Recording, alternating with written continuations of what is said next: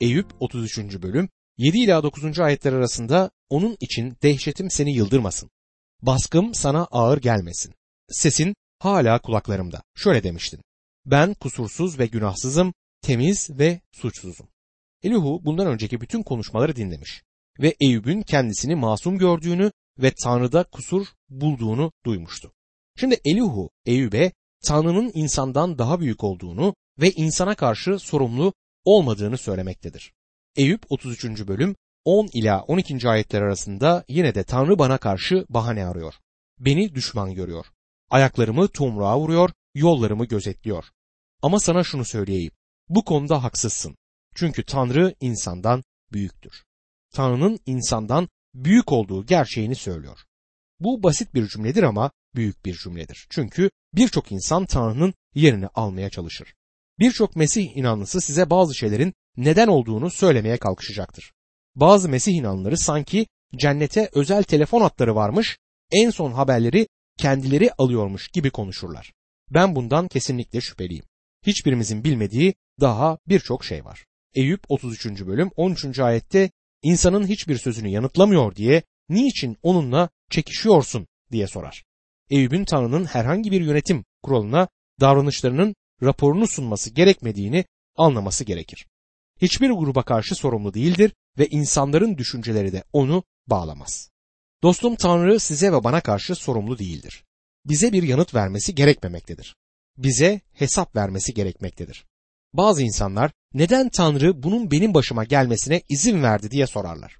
Neden olduğunu bilmiyorum dostum. Bütün bildiğim Tanrı'nın size hesap vermek zorunda olmadığıdır.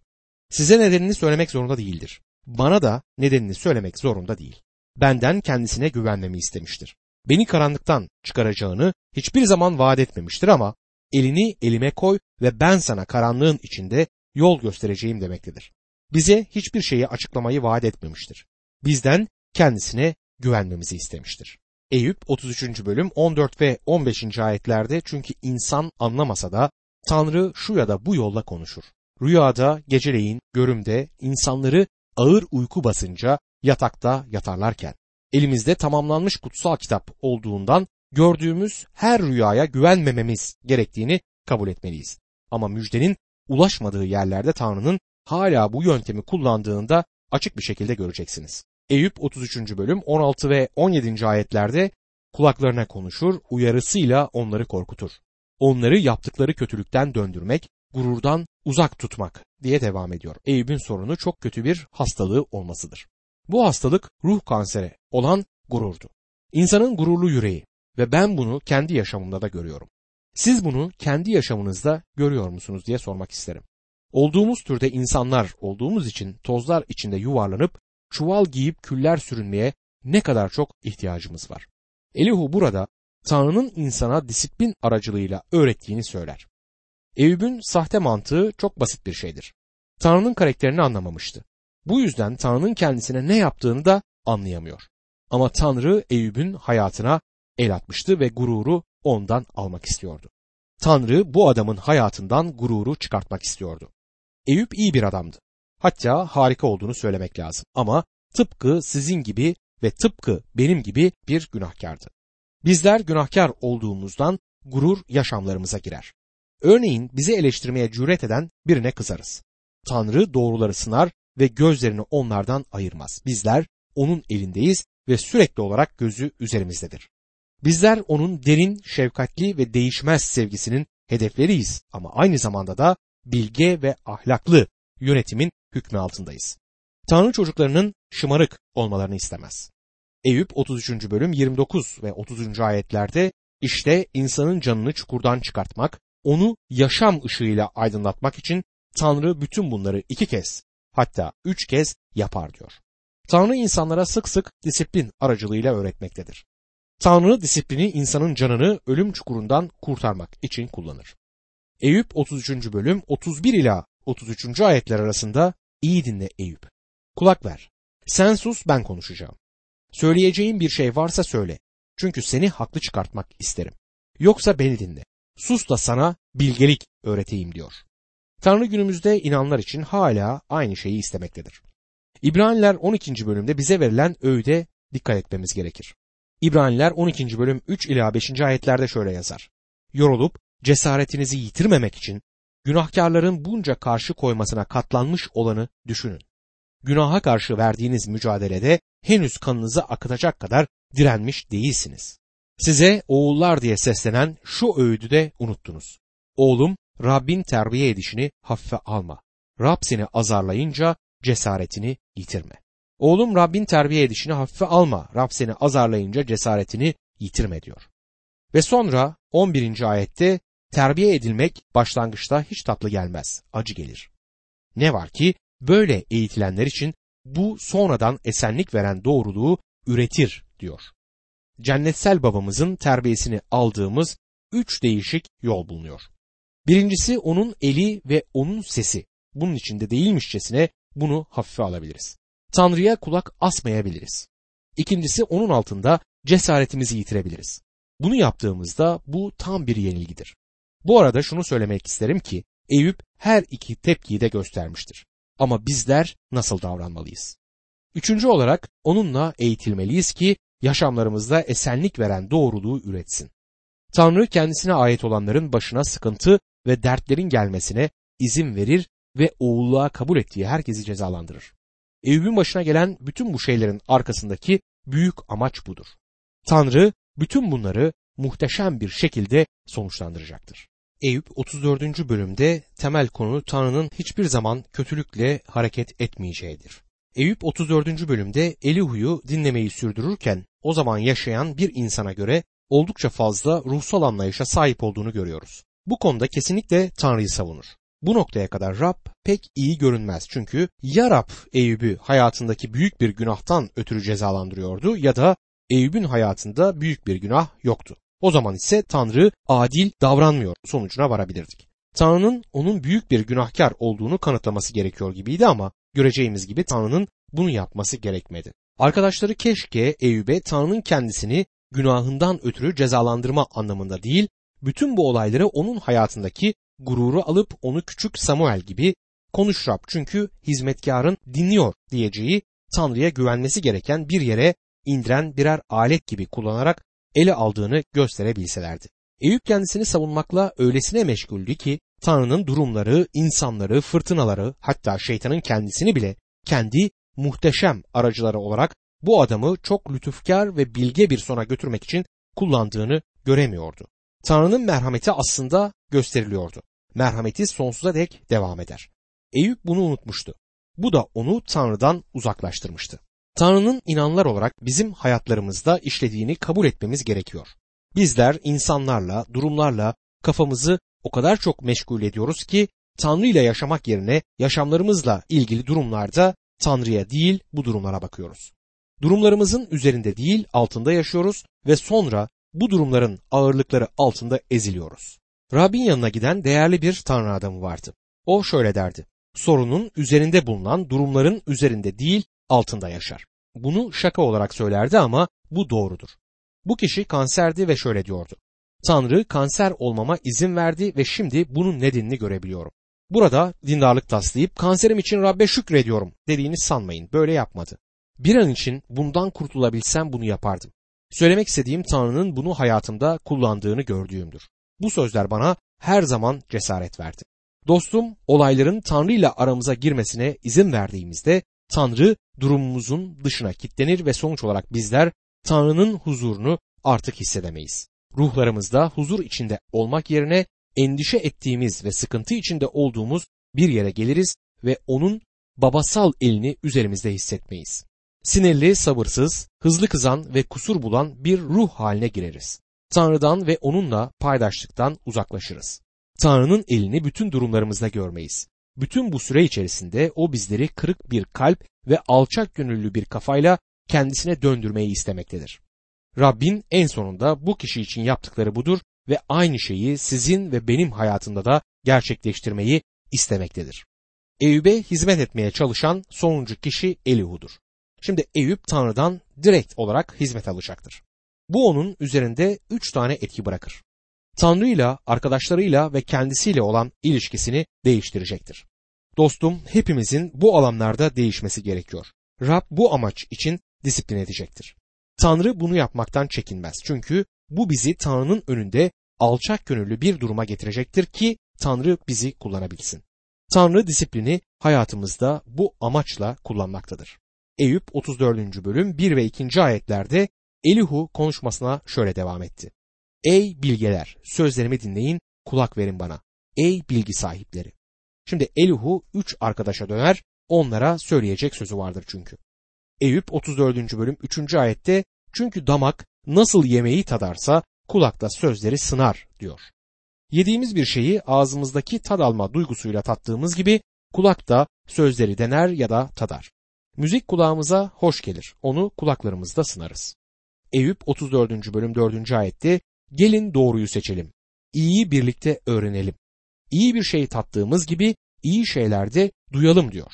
Eyüp 34. bölüm 5. ayette çünkü Eyüp ben suçsuzum diyor. Tanrı hakkımı elimden aldı. Eyüp kendisinin doğru olduğunu ve Tanrı'nın kendisini adil bir şekilde mahkeme etmediğini söyler. Yani Tanrı bana haksızlık yaptı, haksız davrandı demektedir. Eyüp 34. bölüm 6. ayette haklı olduğum halde yalancı sayılıyorum. Suçsuz olduğum halde okunla yaraladın beni der. Eyüp iyileşmez bir hastalığı olduğunu ve bunu hak etmek için bir şey yapmamış olduğunu söylemektedir. Eyüp 34. bölüm 7. ayette Eyüp gibisi var mı? Alayı su gibi içiyor diyor. Eyüp Tanrı'nın disiplinini küçümsemişti. Tanrı'nın kendisine böyle davranmaya hakkı olmadığını düşünüyordu. Bu tutum onu Tanrı'dan uzaklaştırmıştı. Sonra Tanrı'nın disiplini altında cesareti kırılmaya başladı. Tanrı bizi azarladığında cesaretimiz kırılmamalıdır. Tanrı bütün bunları yaşamlarımızda iyi bir amaç için gerçekleştirmek ister. Eyüp 34. bölüm 8. ayette kötülük yapanlarla dostluk edip geziyor, kötülerle aynı yolda yürüyor der. Eyüp cennetin dışındaki protestoculara katılmıştır. Kötülük yapanlarla dostluk edip gezmekte ve kötü insanlarla aynı yolda yürümektedir. Elinde üzerinde Tanrı hatalı ve ben haklıyım diyen bir pankartla dolaşıyor gibidir. Bunu birçok insan yapmaktadır. Eyüp Tanrı'ya karşı isyan içinde olan insanların arasına katılmıştır. Eyüp 34. bölüm 9. ayette çünkü Tanrı'yı hoşnut etmeye çalışmak insana yarar getirmez diyor. Eyüp şöyle de söyleyebilirdi. Epeydir Tanrı'ya hizmet ediyorum ve iyi bir çocuk oluyorum. Hatta sürekli kiliseye gittiğim için bir nişan almayı bekliyorum. Noel'de Tanrı'nın çorabıma güzel bir hediye koymasını bekliyordum. Bunun yerine Tanrı çorabıma küller koydu ve bence Tanrı'nın bunu yapması hiç de güzel bir davranış değil. Eyüp'ün tutumu budur ve aynı tutum günümüzde pek çok Mesih inanlısının tutumudur. Eyüp 34. bölüm 10. ayette bu yüzden ey sağduyulu insanlar beni dinleyin. Tanrı kötülük yapar mı? Her şeye gücü yeten haksızlık eder mi? Asla diyor. Yine Tanrı'nın hiçbir yanlış yapmadığını söyler. Elçi Pavlus'un Tanrı'da adaletsizlik mi var? Kesinlikle hayır dediğini hatırlatmak isterim. Dostum bunu söylemem çirkin bir şeymiş gibi gelebilir ama Tanrı'nın haksız olduğunu söylerseniz siz haksızsınız demektir. Tanrı her zaman haklıdır ve her zaman haksız ve hatalı olanlar ben ve benim gibi olan sizlersiniz. Tanrı her ne yaparsa yapsın haklıdır. Sizlere ve bana hesap vermek zorunda değildir. Bir şey yapmak için bizim iznimize ihtiyacı yok. Günümüzde insanların suçluların istedikleri gibi yaşama özgürlüğüne sahip olmalarına izin verdikleri halde Tanrı'nın evreni seçtiği şekilde idare etmesine izin vermeyi istememeleri ilginçtir. Dostum Tanrı evreni doğru yönetecektir ve sizin ya da benim standartlarımız Tanrı'yı bağlamaz. Eyüp 34. bölüm 12. ayette Tanrı kesinlikle kötülük etmez. Her şeye gücü yeten adaleti saptırmaz diyor. İşte bu ayet küçük not defterinize yazıp orada tutabileceğiniz bir ayettir. Tanrı kötülükle hareket etmez. Yanlış bir harekete izin vermeyecektir. Eski antlaşmaya dönüp Tanrı'nın Amorları yok etmesinde kusur bulmak istiyorsanız bu sizin seçiminizdir. Ama bu Tanrı'yı hatalı yapmaz. Tanrı haklıydı. Belki siz ben nasıl haklı olabileceğini görüp anlamıyorum diyebilirsiniz. Belki ben de görmüyorum. Ama Tanrı'nın onlara 400 yıl boyunca lütuf uzattığını ve tövbe etmeleri için zaman tanıdığını ancak bu kadar uzun bir süre sonra onları yok ettiğini biliyorum. Tanrı her zaman haklıdır. Bu noktadan mantık yürütmeliyiz. Şunu anlamalısınız ki insanların düşünce sistemi deneyimden gerçeğe giden bir mantığı temel alır ve bu yüzden de çok azımız hayatımızda gerçeğe ulaşırız. Tanrı gerçekten mantık yürütür ve kendisi gerçektir. Rab İsa gerçek benim demiştir. Pilatus gerçek nedir diye sorduğunda gerçek önünde duruyordu. İsa Mesih gerçektir. Gerçekte deneyime mantık yürütmeyi öğrenmeliyiz. Tanrı bunu yapar. Eyüp 34. bölüm 13 ve 14. ayetlerde kim yeryüzünü ona emanet etti? Kim onu bütün dünyanın başına atadı? Eğer niyet eder de ruhunu ve soluğunu geri çekerse burada söylenmek istenen Tanrı'nın insana baktığı, onunla ilgilendiğidir. Eyüp 34. bölüm 31. ayette kimse Tanrı'ya suçluyum, artık kötülük yapmayacağım dedi mi diye sorar. Eğer Tanrı sizi disiplin ediyorsa dersinizi alıp eski yolunuzda devam etmemeniz gerekir. Belki Tanrı sizin hayatınızda bir şeyi geliştirmek istemektedir. Hayatınızda yaptığı şey değerli bir amacı başarmadıkça size bir şey olmasına izin vermez. Eyüp 34. bölüm 32. ayette göremediğimi sen bana öğret. Haksızlık ettimse bir daha etmem diyor. Kötülük yaptıysanız Tanrı'nın amacının sizi kötülükten döndürmek olduğunu biliyorsunuzdur. O zaman lütfen dersinize alın ve günahınızdan dönün. Eyüp 34. bölüm 34 ve 35. ayetlerde sağduyulu insanlar beni dinleyen bilgeler diyecekler ki Eyüp bilgisizce konuşuyor, sözlerinin değeri yok. Eyüp hakkında söylenenler çoğumuz hakkında söylenilebilir. Çok konuşuruz ama bunun büyük kısmı bilgisiz ve değersizdir. Yaptıklarımızın darbe niteliğinde toplantılar olduğu günlerde yaşıyoruz. Darbe niteliğinde toplantı yapmayı isteyen birçok grupla özellikle gençlerle bir araya geliyorum. Bu fırsatı sevinçle karşılıyorum ama bir sürü hikmetsizce ve akılsızca şey işittiğimi de söylemek isterim. Bilgisizce konuşan sadece Eyüp değildi. Günümüzde birçok insan bilgisizce konuşuyor ve bu insanlardan bazıları doktora yapmış kişiler. Yüksek bir diploma sahibi olmak bilgi ya da bilgeliğin garantisi değildir. Eyüp 34. bölüm 36 ve 37. ayetlerde kötü biri gibi yanıtladığı için keşke Eyüp'ün sınanması sonsuza dek sürse. Çünkü günahına isyan da ekliyor. Önümüzde alay edercesine el çırpıyor. Tanrı'ya karşı konuştukça konuşuyor. Elihu Tanrı'nın Eyüp kendisini savunmayı bırakıp Tanrı'yı savunmaya başlayıncaya dek Eyüp'ü denemeye devam etmesini umduğunu söylemektedir. Eyüp 35. bölümde Tanrı'nın Eyüp'e bir ders verdiğini görürüz. Eyüp 35. bölüm 1 ve 2. ayetler şöyle başlar. Elihu konuşmasına şöyle devam etti. Tanrı'nın önünde haklıyım diyorsun. Doğru buluyor musun bunu? Eyüp haklı olduğunu ve haklı olduğu halde acı çektiğini söylediği an Tanrı haksız olmalıdır. Bu tür bir mantıktan çıkan sonuç budur. Eyüp 35. bölüm 5 ve 6. ayetlerde göklere bak da gör. Üzerinde yükselen bulutlara göz gezdir. Günah işlersen Tanrı'ya ne zararı olur? İsyanların çoksa ne olur ona diyor. Eyüp'ün sorduğu soru buydu. Benim küçük hayatım Tanrı'yı etkilemiyor diyordu. İnsanı hayrete düşüren harika şey Tanrı'yı etkilediğidir. Günah neredeyse sonsuz bir şeydir. İbrahim küçük cariyesi Hacer konusunda günah işlemişti ve dünya o günahın cezasını Orta Doğu'daki çatışmalarla hala ödemektedir. Sara'nın önerisi üzerine Mısırlı'yı aldı ama İbrahim'le Sara hatalıydılar. Ne kadar hata vardı burada? Yaptıkları hatanın sonuçları 4000 yıl boyunca devam etti. Günah korkunç bir şeydir ve Tanrı'yı etkiler. Eyüp 35. bölüm 8. ayette kötülüğün ancak senin gibi birine zarar verir. Doğruluğun ise yalnız insanoğlu içindir diyor. Dostum siz her zaman bir tanıksınız. Kim olursanız olun siz bir vaizsiniz. Ayyaş bir adamın annesi gelip oğluyla konuşmamı istedi. Bir keresinde sokakta yalpalayarak giderken onu alıp çalışma odama getirdim. Ona ne kadar alçak ve pis bir adam olduğunu ve annesini ne kadar üzdüğünü söyledim. Orada oturup hepsini dinledi. Sonra ona hayatınla vaaz veriyorsun. Sen bir vaizsin dedim. Benimle dövüşmek için ayağa kalktı. Ona dünyada vaizden başka bir ünvanı yakıştırabilirdim. Dostum siz bir vaizsiniz.